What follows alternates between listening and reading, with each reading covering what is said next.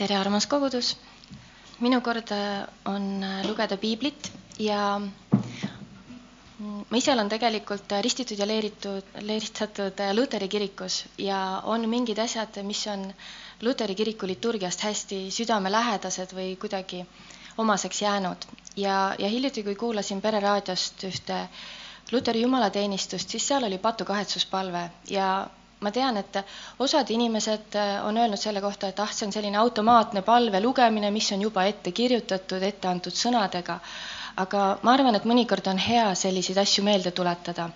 et, et Jumal tahab meid õnnistada, Jumal on, on hea, kui me oleme päästepalve lugenud, me oleme oma elu Jumalale andnud, siis äh, siis äh, loomulikult meil on, meil on uued võimalused ja meil ongi uus elu aga, aga samas me peame ka, me ei tohi unustada seda, et, et me ikkagi teeme, me teeme pattusid, me, meil on kiusatusi, me mõtleme halvasti, me ütleme, teeme halvasti ja, ja need asjad on vaja korda tegelikult seada ja ma ei hakka seda luterlaste meeleparanduspalvet lugema, aga ma loen ühe psalmi, ühe laulu.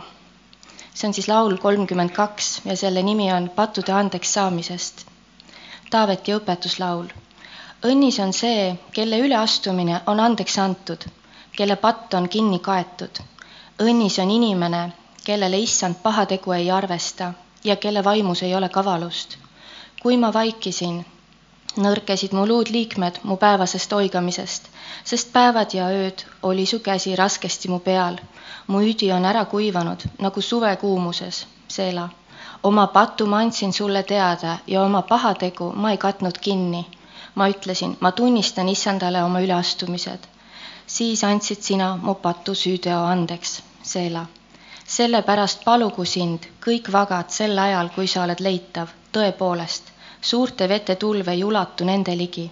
sina oled mulle pelgupaigaks, sa hoiad mind õnnetuse eest, sa ümbritsed mind pääsemise hõiskamisega, Seela sina ütled, ma teen su targaks ja õpetan sulle teed, mida sul tuleb käia ma annan sulle nõu oma silmaga sind juhtides.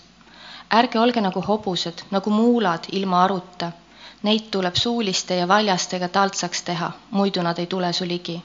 õelal on palju valu, aga kes loodab issanda peale, seda ümbritseb heldus. rõõmutsege issandas ja ilutsege, te õiged, ja hõisake kõik, kes olete õiglased südamelt. amin.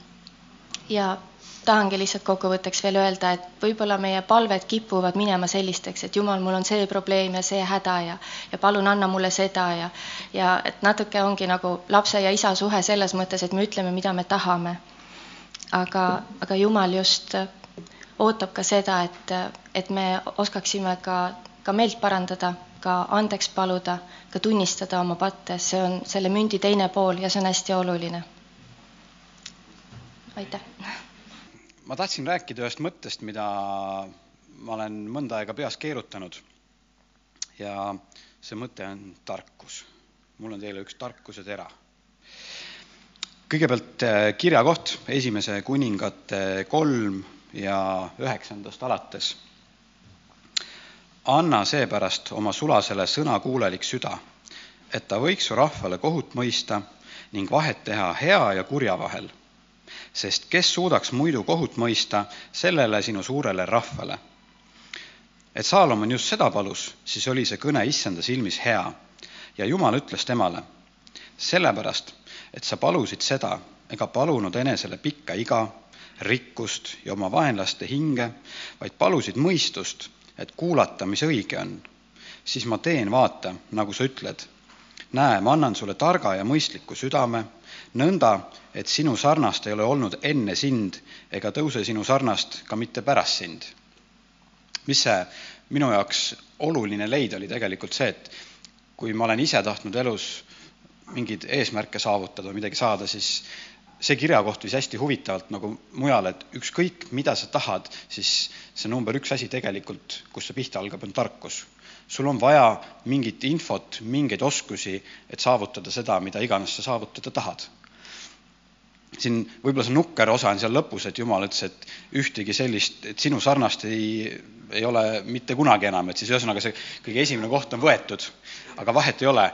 kui te loete kogu ja raamatut ja aru saada, mida ta tegelikult lõpuks saavutas, siis see on mingis mõttes uskumatu ja ma ütlen, et olla number kaks või kolm või neli, isegi number viiskümmend on väga äge. aga see ei ole eesmärk tegelikult, asja point või mõte on see, et mis iganes asi me tahame enda elus saavutada, tuleb läbi tarkuse ja läbi oskuse, kas tarkus mingit asja juurde õppida või mingit asja teha. ja ma olen viimasel ajal palju kuulnud sellist asja, et öeldakse, et jube raske on, kas ma trennis käin, jube raske on, ma pean õppima uut keelt, ma pean õppima mingi, mis iganes asja, jube keeruline on ja siis minul täna tekib automaatselt esimene asi, et aga mis siis? Miks ei võiks või miks see peaks olema raske? et kui me kujutame ette olukorda, kus kõik asjad tulevad hästi kergesti, ma, lapsed ei ole siin, ma võin rääkida, nendel on tulnud paljud asjad kahjuks liiga kergesti ja selles mõttes on näha, et nad varem või hiljem ei hakka seda hindama. ja võib-olla ka selline näide, et ees oli meil siin ülistus, hästi, väga kena ülistus oli, aitäh. kui me kõik oskaks ülistada, kui mina oskaks samamoodi laulda, me kõik oskaks täpselt samamoodi laulda, siis see ei tunduks nii eriline. sest kui me vaatame mingeid äh, lauluvõistlusi, siis äh, need kohtunikud äh, seal, kes ees on, noh, ikkagi hindamine toimub, kes, ma ei tea, see Eesti otsib superstaari, seal on nagu seinast seina tegelikult. aga tuleks kohale tuhat inimest, kes kõik laulavad täpselt ühtemoodi, siis nagu mille järgi me nad kuhugi ritta paneme, see, ühesõnaga see ei tunduks nii eriline enam. ja sellepärast hästi kihvt on vaadata, et kui keegi oskab enda valdkonnas mingit asja väga hästi, siis ma tahaks suunata sinna ka mõtlema, et me ei peaks mõtlema ainult selle lõpptulemuse peale, et nad täna oskavad ülistada nii hästi, vaid me peaks mõtlema selle peale, mida nad on teinud enne seda. see pikk pingutus ja mitte üks päev või kaks päeva, vaid nagu aastad pingutust, mida tegelikult need inimesed teinud on. Et äh, ma siit võib-olla suunakski, et kui keegi on saavutanud omal sellesama tarkuse, kui Saalomon on saa-, oli saavutanud selle tarkuse, siis mitte selle, me ei peaks keskenduma sellele lõpptulemusele, vaid hindama rohkem seda, mis see protsess oli, et äh, inimesed sinna jõuavad. ja tänu sellele võib-olla me hakkame ise ka mõtlema, et kui me tahame midagi saavutada, siis me peamegi läbi käima selle teekonna, aga lõpuks see tulemus on endale palju, palju mõnusam. Ma lugesin sellist huvitavat asja, et kui iga päev kulutada kaheksateist kuni kakskümmend minutit mingile asjale ja teha seda umbes aasta aega järjest, ma arvan, et me ma usun, et me igaüks võime leida päevast kaheksateist minutit, siis aasta aja pärast me oleks selles asjas targemad kui üheksakümmend viis protsenti inimestest maailmas. ja nüüd teistpidi siis see on võib-olla nendele inimestele, kes mõtlevad, et nad tahaks mingit asja rohkem teada, kui sa ei taha, sul on kõik hästi, siis ei ole oluline. aga tee endale eesmärk vaata nädal aega, mida sa teed, kui palju sa telefonis oled, mina olen pidanud väga palju vaatama, kui palju ma telefonis scroll in või midagi, nii-öelda aega hindama ümber.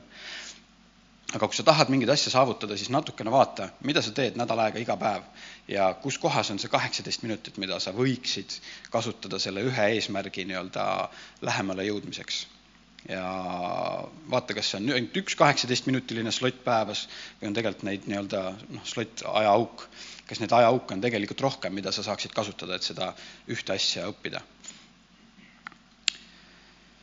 ja nii palju veel, et minul endal on kindlasti väga palju päevi olnud, kus noh, mulle meeldib muidu trennis käia, aga on väga palju hetki olnud, kus ma tunnen, et ma lihtsalt ei taha. Ja siis ma olen õppinud ennast sundima sinna vaatamata sellele minema.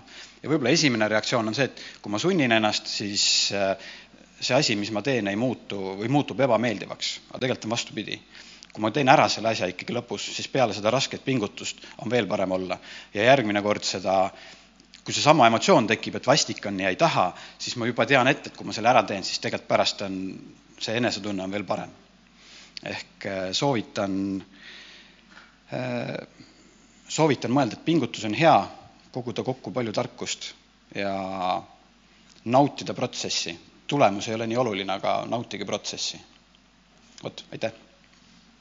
aga nüüd ma siis jagan natukene, ma ei teagi, mis meil siin aega on, aga, aga mul on küll mõned mõtted, mida ma tahaksin teiega jagada. ma leidsin nüüd hommikul kiire, kiiresti leidsin ühe äh,, ma panen päikseprillid ette leidsin äh, leidsin lihtsalt suvaliselt, vaatasin seal oma märkmeid, vanu märkmeid ja leidsin, et aastal kaks tuhat kolm Tallinnas olen ma kirjutanud essee Oengo algatusele Eesti Metodistliku Kiriku teoloogilisses seminaris. ja teema on, kuidas mina oma Jumalat teenin. sellest on siis palju aastaid möödas, kakskümmend või? ma olin siis, kui ma olin noor ja noor ja ilus, ei ilus ma olen praegugi, aga noor. jah.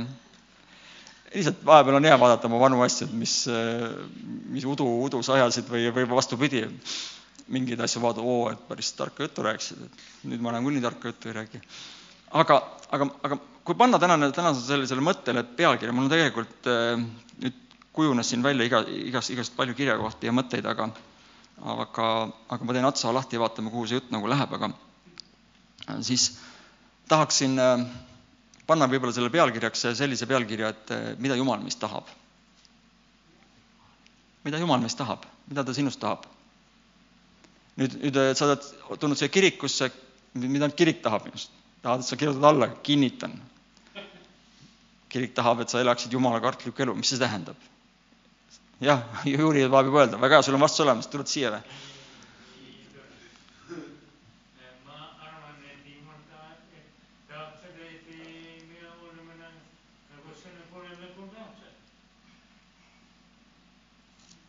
Nagu lapsed. sõnakuulelikud nagu lapsed, jah. ma arvan, et muidugi, osaliselt kindlasti aga okei okay., teeme siis võib-olla sellise sissejuhatuse. kas inimene loodi Jumala jaoks või Jumal, Jumal on, kas Jumal on inimeste jaoks või inimene on Jumala jaoks? kas niimoodi võib küsida? et ühesõnaga, kui me läheme üldse tagasi loomisse, siis, siis me niikuinii inimestena kogu aeg terve elu maadleme eksistentsiaalsete küsimustega. ja läbi ajaloo on inimesed küsinud kogu aeg, mis on minu elu mõte. alfas me räägime sellest, mis on minu elu mõte seda on nii lihtne küsida ja seda võib väga selliselt loosungiliste asjadega ka vis-, visata inimestele, et noh, see ja teine ja sünnitada lapsi ja parandada maailma ja teha head ja ma ei tea, saada seal teisele kohale tarkuse selles äh, top, topis, eks ju. aga, aga, aga reaalselt, kui sa, kui sa mõtled inimesele endale, see inimene on nagu üks pisikene mullakübeke, üks tolmukübeke, mis korraks ilmub ja, ja, ja, ja kaob ajalises sfääris meie eksisteerimine on täiesti mõttetu, noh, ütleme selle koha pealt, kui sa just ei ole mingi Einstein või Einstein või mingisugune tõesti vägev maaler või, või, või skulptor või, või kes iganes see riigitegelane, kes on tõesti mingisugust mõju avaldanud. aga üldjuhul kahe-kolm, kolme põlvkonnaga sind unustatakse. käisin just hiljaaegu oma ema haual ja vaatasin seal, meil on seal, ma ei tea, kui üldiselt äh, mingite aegade tagant ju maetakse uuesti peale. kui meie kaevasime ema, ema ema hauda, siis sealt tulid ka välja minu vaar, vaar, vaar, vanaisad või vana, ma ei tea, isegi meiega seotud on, aga noh, ütleme, et kuskilt tuhat kaheksasada, eks ju. mul pole õrna aimu, kes nad olid, ma võin uurida tänapäeval, minna nendesse sugupuudesse ja uurida sealt, ma võin saada sealt mingisuguseid äh, infot, et, et näed, kes on vaadanud seda Minu uus sugulane saade, minu arust väga hea sealt, kuidas nad kaevavad üles, vaatavad, kes on kellega seotud ja kus, kus kaudu või kuhu need, need juured nagu lähevad, et see on nagu põnev jälgida loomulikult. aga mu mõte on see, et, et kui ma mõtlen kas või ütleme, mina mäletan oma ema-isa muidugi väga eredalt ja ma arvan, elu lõpuni, eks ju, noh, vanemad on ikkagi olnud, noh, see on osa, osa meie hingeelust, vanavanemad või vanaemad, eks ju, ka noh, nii palju, kui nad on olnud, kellel on kõrgemeeani, kellel on läinud võib-olla kiiremini ära vanavanemad väga pisteliselt, sest ma olin liiga noor, aga ma mäletan oma vana-vanaema. ma elasin temaga koos seal Lelles, elas ka suht kõrge eani, seal kaheksakümmend kuus või üheksakümne lähedale. ja sealt edasi on null. edasi ja minu lapsed ei mäleta enam minu vanavanaemast, eks ju, et neil ei ole mitte ainult nime, sest nimed on need võib-olla, mis, mis veel kuskilt kajastuvad. ehk siis, tagasi tulles selle mõtte juurde, et, et, et meie elu on ikkagi suhteliselt mõttetu siin ilmas. ma lihtsalt tahan teid julgustada sellega. et sinu, sinu pisikesed mured, sinu vägevad saavutused on tegelikult täiesti mõttetud suures plaanis ja ajaloo mõistes. selles, sellega, see, sellega ei muutu mitte midagi. aga kui me toome nüüd Jumala mängu, vaat nüüd head sa ära ei läinud, Tiina, head sa ära ei läinud. kui me toome nüüd Jumala mängu, kõik muutub. kõik muutub meie jaoks ähm, ajaloo mõistes, igavikulises mõistes, niikuinii ütleme, meie tähelepanu hakkab minema hoopis mitte siit, siia elu ja nende tarkuse ja varanduse ja, ja kuulsuse tagaajamistele, vaid meie, meie maailmapilt muutub, meie, meie tähelepanu läheb, läheb sellest elust kaugemale. meie eesmärgid ja saavutused, need saavad kinnituse ja lõpliku alles nii-öelda karikad ootavad meid tegelikult alles siit, siit ilmast lahkudes, seal teisel pool.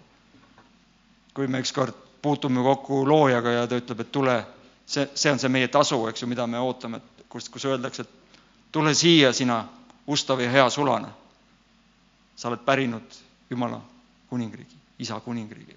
see on meie lõplik parandus, aare, meie, meie siht, meie suund, kuhu me oleme suundumas, miks, miks me üldse elame siin. sest ega ma sellele küsimusele sada protsenti vastata ei oska ja ma arvan, et mitte keegi ei oska. et miks ikkagi lõpuks inimesed loodi. Ähm, me peame olema ausad ja ütlema, et me tunneme Jumalat, jah, me tunneme isiklikult oma mingisuguse tundeelu ja kogemuse kaudu, aga kui me võtame ka kõikide maailma inimeste läbi ajaloo kogetud Jumala tunnetuse kokku, siis see on ainult väga pisikene protsent sellest, kes Jumal tegelikult on. ma arvan, et ma tean oma naist, Kuunot tean natukene vähem. Fredit ma tean ainult selja tagant, tunnen ära. ja, ja, ja mõnda, mõnda inimest ma polegi varem kunagi näinud, eks, et, et see, see, see tundmine on, on ka, et eesti keeles on mõnes mõttes hea, et inglise keeles ei olegi sellist eh, head sõna, et me räägime teadma, ma tean ja ma tunnen, siis kui me ütleme tunnen, siis see, siis see, siis see näitab seda, et, et ma tean selle inimese kohta natukene rohkem kui lihtsalt mingisuguseid äh, üldiseid fakte. vaid mul on mingid isiklikud kogemused temaga või, või ma tean tema kohta midagi rohkemat, see on see isiklik tundmine. kui palju me tunneme Jumalat? Jumal tunneb meid läbi ja lõhki. ja, ja tema kindlasti teab, miks me siin täna oleme, miks me oleme aastal kaks tuhat kakskümmend kolm siin missioruumides. miks me sündisime just sellel ajal sellesse kohta, sellesse perre, meil on siin terve rida jutlustajad, kes räägivad nagu, nagu Her-, Ermaküla, jumala plaan, jumala eesmärk. eks, need on sellised olulised teemad meie jaoks. aga kõik need plaanid ja eesmärgid ei sünni enne või, või need, need, need saavad korralikult kaikaid kodarasse, kaikaid kodarasse, kui, kui sul puudub äh, arusaamine sinu enda eksisten-, eksistentsist või kes sa üldse oled või miks sa üldse siin oled siin ilmas ehk siis tagasi tulles jällegi erides sinna algusesse, ma arvan, et, et me ei ole või me ei täpselt ei tea, miks üldse inimene loodi. meil on, meil on lugu sellest, et kunagi, me, me, meil on lugu sellest, et Jumal on igavene. temal ei ole algust ega otsa, temal ei ole mingit piire, ta, ta ongi kõikides, ta ongi mitte, no ühesõnaga, ma ei oska, kõik need absoluudid, mida me nimetame mõõtmiseks meie oma pisikese pähkliajuga, et tema ongi see nii-öelda see igavene Jumal, tema on algusest peale olnud, ta on, ta on igal pool, ta on kõikvõimas ja nii edasi, kõik, kõik need, kõik need tema omadused. Ja siis me näeme seda, et on mingisugused tegelased tema ümber, vaimsed ja ka vaimu, vaimukehadega.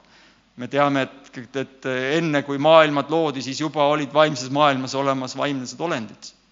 me nimetame neid ingliteks millised need on, kui palju neid on, siis me teame, et mingi jama toimus seal, eks ju, et osa noh, väidetavalt siis kurat oli siis ka kunagi olnud siis see äh, üks seal sellistest peainglitest, kuni tema siis, temas avastati uhkust ja ta langes ja ta peksti Jumala juurest välja, tekkis elanud. see kõik on see eellugu, millest meie ei, ei tea mitte midagi, me ei oska isegi und näha sellest. mul on viimasel ajal olnud siin mingid väga imelikud unenäod jälle. ma vahepeal jagan oma unenägusid, küll ma upun ja oli mingi see buss sõitis ja siis kajus külili vee sisse ja siis ma vaatasin, et see vesi hakkab tulema ja siis mõtlesin, et millal ma jõuan veel selle viimase hinge tõmba tõmmata, et siis ma äkki saan veel välja. noh, niisugused lollakad seal habelad seal ja siis ei leia seda väljapääsu ja või siis sõidad rattaga ja siis äkki on sul see madude hunnik, sa pead sõidad mööda, üle nendest. niisugused vastikud asjad, eks ju, on ju? Te ei ole kunagi näinud, eks? või siis hambad kukuvad välja või keel on kuidagi kinni, ma väga peensusteni ei lähe igaks juhuks. Ma räägin, et praegu täna, täna ei, ei lähe veel see avalikkuse ette, et me saame kin-, kinnise grupi, me pane juba kinni, kuule, sa hakka saada pausi kogu aeg panema. paus, piip ja paus, piip ja paus, piip ja tuut, tuut ja piip.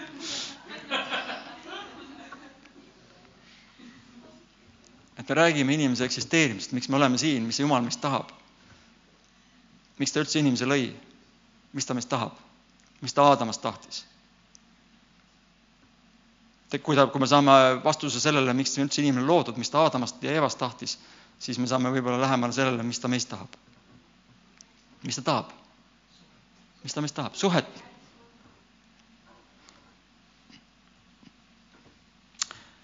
Jakobuse kirjas on üks,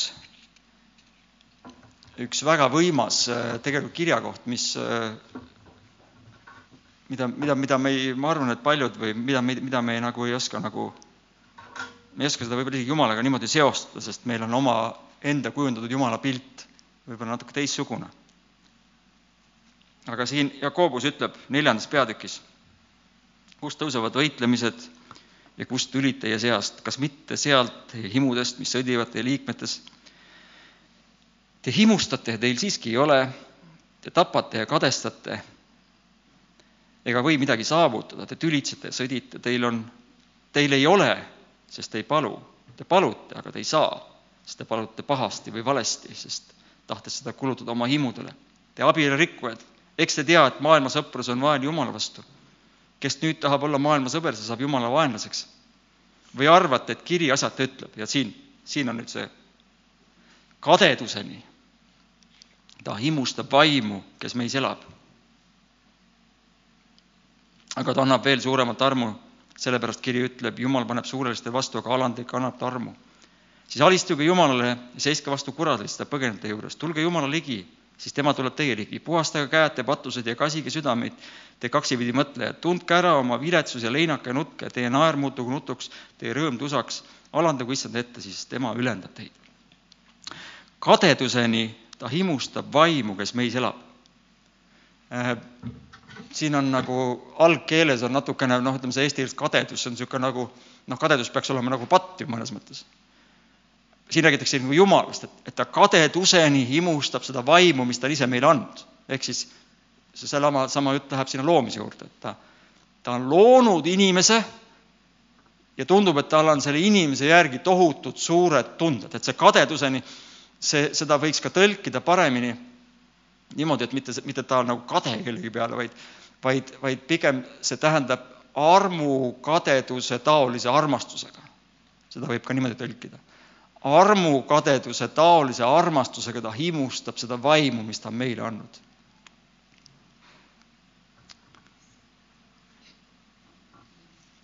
ma ei tea, kui paljudel inimestel on olnud selliseid tundeid kellegi teise vastu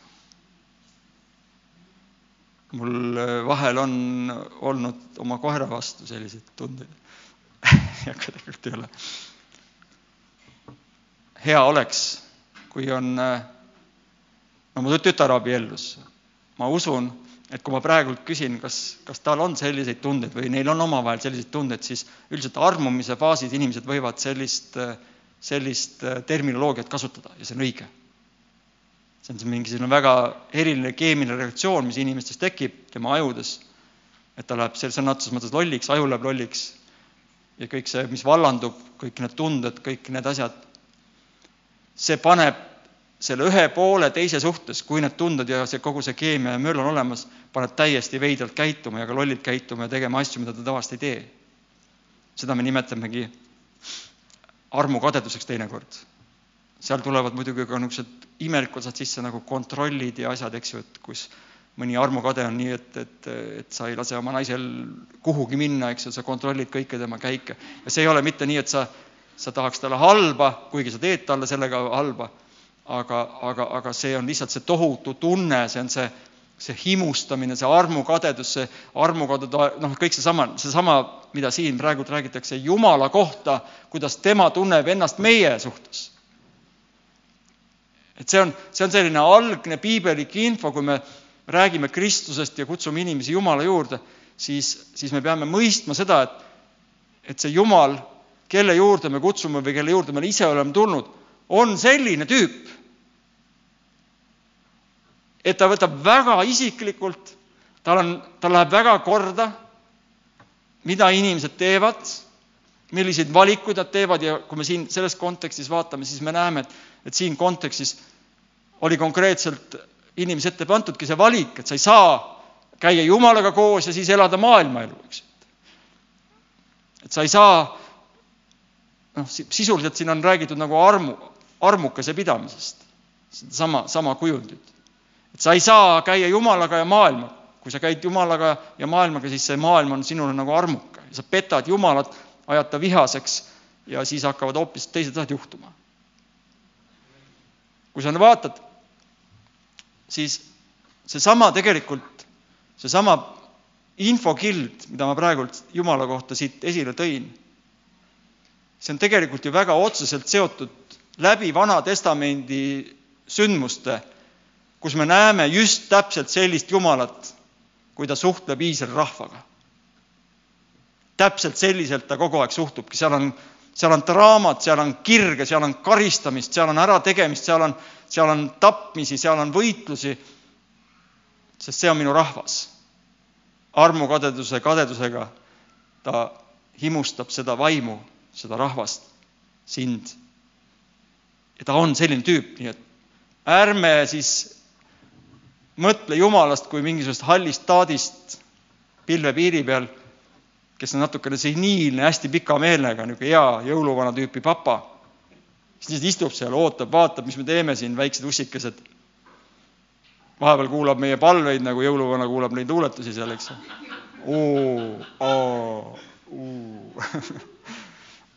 aga meil, meil lihtsalt inimestena, kuna me näeme igast filme ja meie fantaasia on nagu, nagu ta on, eks ju, siis tihtipeale me võime sellesse ämbrisse astuda, et me kujundame Jumalast mingisuguse täitsa nagu omaette mingisuguse karakteri, mis ei vasta üldse tegelikult tegelikkusele.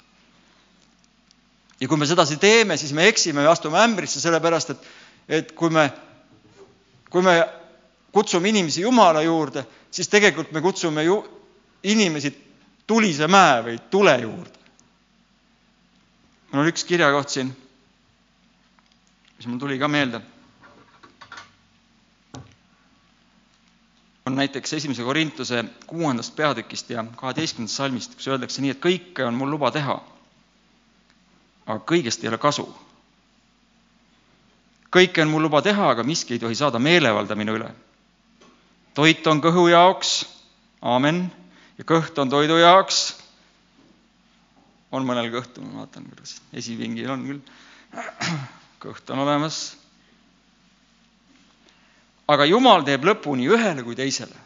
ehk siis need on väga ajutised ja kuigi ma olen viimasel ajal suur toidufänn ja võiksin sellest pikalt rääkida. näiteks kui sa tahad nahatükkidest lahti saada, tahad, kas sul tekivad, kui sul tekivad näiteks nahatükid, meil näsad eesti keeles vist, mul on ka paar tükki kuskil siis nad on puhtalt söömise tulemusena, sööd valesid asju.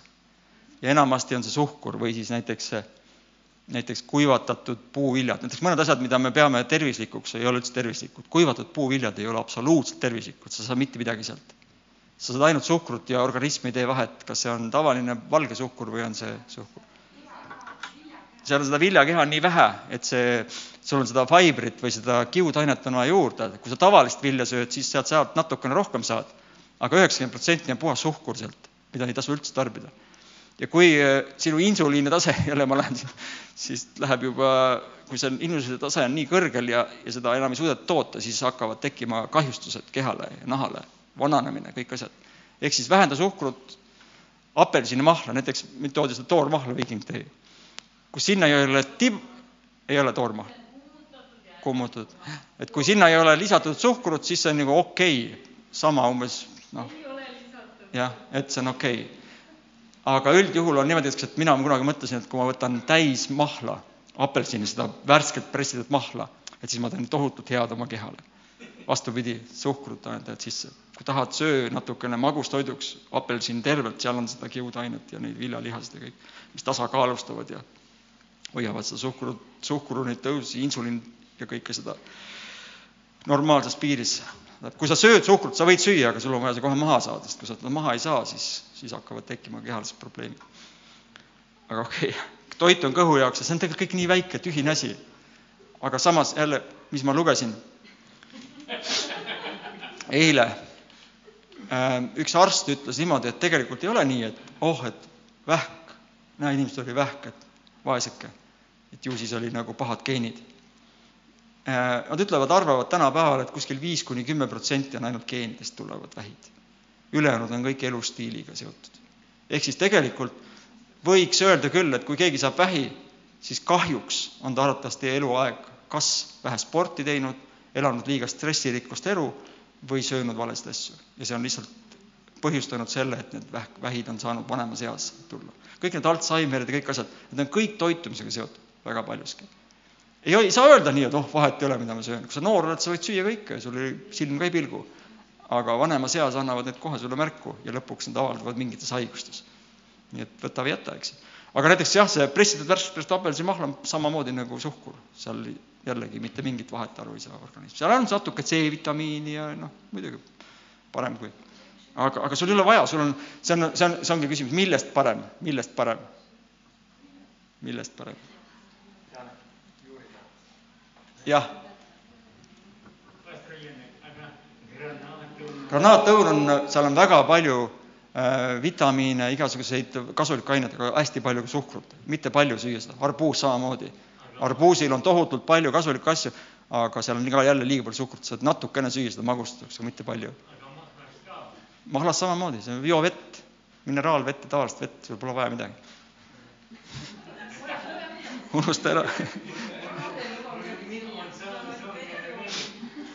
kes meil täna, ma tean, et täna meil toodi, toidu, toidupildistamised praegu käivad seal, degusteerimised juba, kõik, kõik, kõik head paremad. no loen Jumala sõna edasi, toit on kõhu jaoks ja kõht on toidu jaoks. mina ei ole süüdi, piibel vaata viis mind praegu sellest teemasse, libedale teele. ja jumal teeb lõpu nii ühele kui teisele, aga ihu ei ole hooruse jaoks, vaid issanda jaoks. ja issand ihu jaoks. ent Jumal on üles äratanud issanda ja äratab üles ka meid oma väe läbi. Eks te tea, et teie ihud on Kristuse liikmed. kas peaksin siis võtma Kristuse liikmed ja tegema nad Hoora liikmeks? ärgu seda sündigu või te ei tea, et see, kes hoiab Hoora poole, on temaga üks ihu? sest need kaks, ütleb tema, peavad olema üks liha. aga kes hoiab issanda poole, see on ka üks vaim temaga. põgenege hooruse eest, iga patt, mida inimene iganes teeb oma väljaspool ihu. Aga kes hoorab või, või, või iga patt, mida inimene iganes teeb, on väljaspool ihu, aga kes hoorab, teeb pattu oma, oma enese ihu vastu. või te ei tea, et teie ihu on teie sees oleva pühavaimu tempel kelle te olete saanud Jumalalt. ja te ei ole enam iseenesest omad, sest te olete kalli hinnaga ostetud, austage siis Jumalat oma ihus. noh, hea küll, üks on nüüd siin, siin on, me näeme kontekstis, siin on kontekstis räägitakse hooramisest.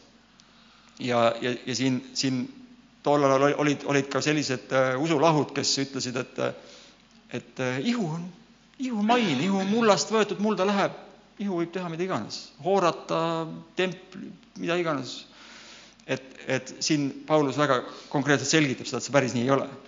me oleme ikkagi Jumala templiks tehtud ja kui me tuleme tagasi jällegi nende kõikide nende mõtete, eelneva mõtete juurde, et mis, mis meie mõt-, loomise mõte on, kes me siis Jumala jaoks oleme.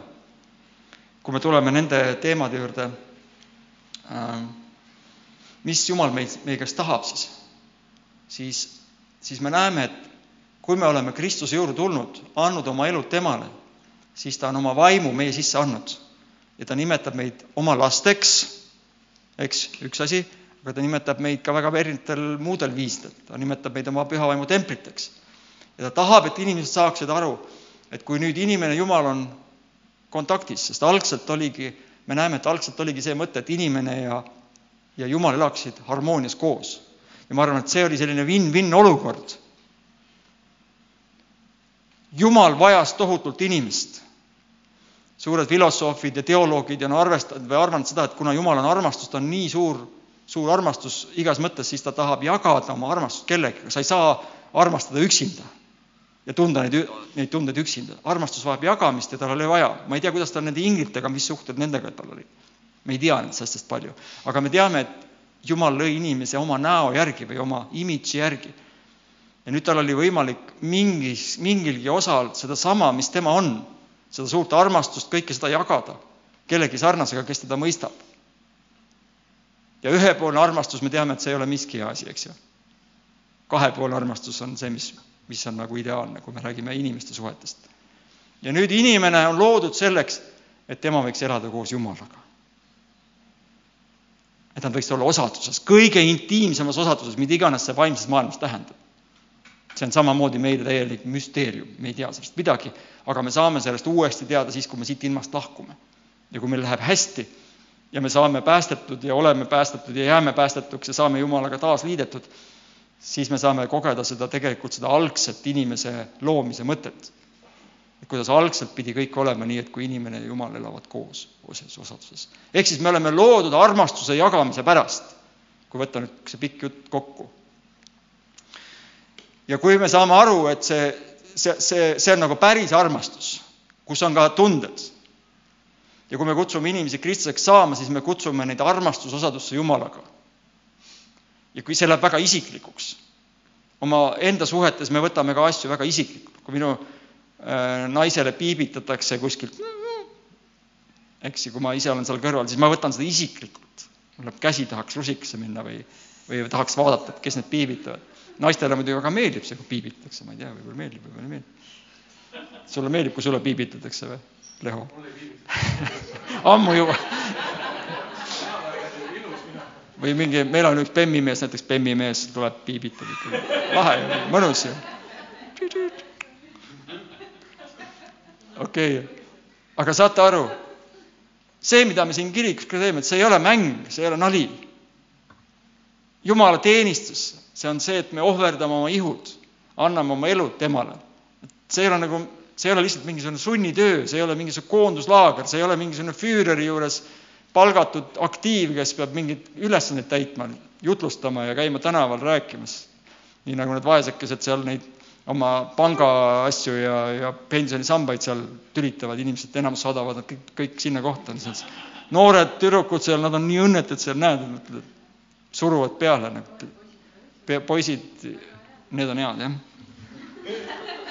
aga mul oli seal üks tütarlaps ja see oli kogu aeg, kõik saatsid teda sinna kohta kogu aeg. mine sinna mm,. istus seal kurvalt, ta sai aru, et ta peab midagi peale suruma inimestele.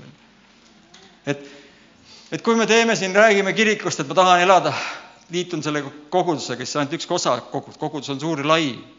sa oled tegelikult osa kõigist Kristus, Kristuse ihust, kus iganes need piirid lähevad ja, ja sa oled, kui sa kirjutad alla, et sa oled siin nüüd missiokoguduseks, siis see veel ei tähenda, et et midagi muutuks, sa oled ikka Kristuse ihus. aga, aga siin siis sa, meil on oma mingisugune väike, väike kord ja tegemine ja me usume, et me oleme väike osa sellest suurest Jumala tööst. ja see sinu mõttetu elu, nagu ma alustasin, inimese elu on suht mõttetu, siis see ei ole enam mõttetu koos Jumalaga. sest need ajalised raamid kaovad, eesmärgid, mis on siin maailmas, need muutuvad, inimese enda arusaam iseendast, oma identiteedist muutub täielikult. Need suunad muutuvad, sellepärast me vahepeal räägimegi vastuvoolu ujumisest või et me teeme natuke teisi asju. Kaire ütles, et me kõik eksime. samas on nii, et, et me tahame parimat, nagu me kirjutasime ka, et me ei, me ei kirjuta, me ei kirjutanud siin avaldusele, et luban, et ma täidan kõiki Jumala seadusi. aamen siis me, me keegi ei saaks, ma ei taha, ma ei taha niisugust asja lubada. me kõik eksime. aga vähemalt, kui sa oled kristlane ja kui sa oled selles päris värgis sees, siis püha vaim sinu sees annab sulle mõista ja teada, mis on õige tee, mida mööda peaks käima. ja kui me komistame, siis me peame paluma andeks, parandama meelt ja proovima paremini teha. kes meist ei ole eksinud, mina olen, kõik oleme, eks.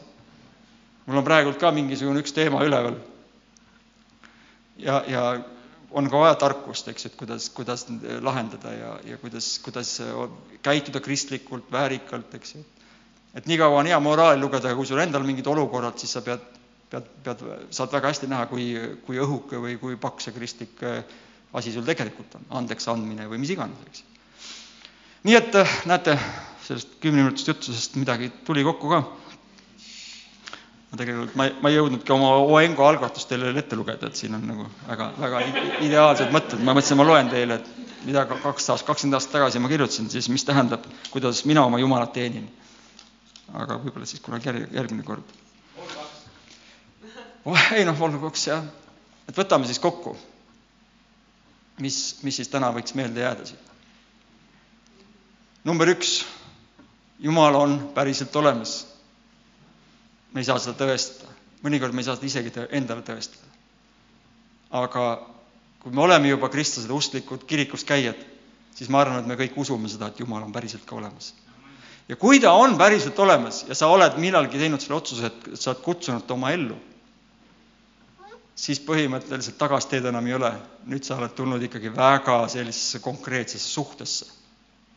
kui sa ikkagi altari ees seal jah ütled, nagu mul seal kordi ja kordi on teinud need paarid, siis sellest hetkest on uus elu, uus olukord.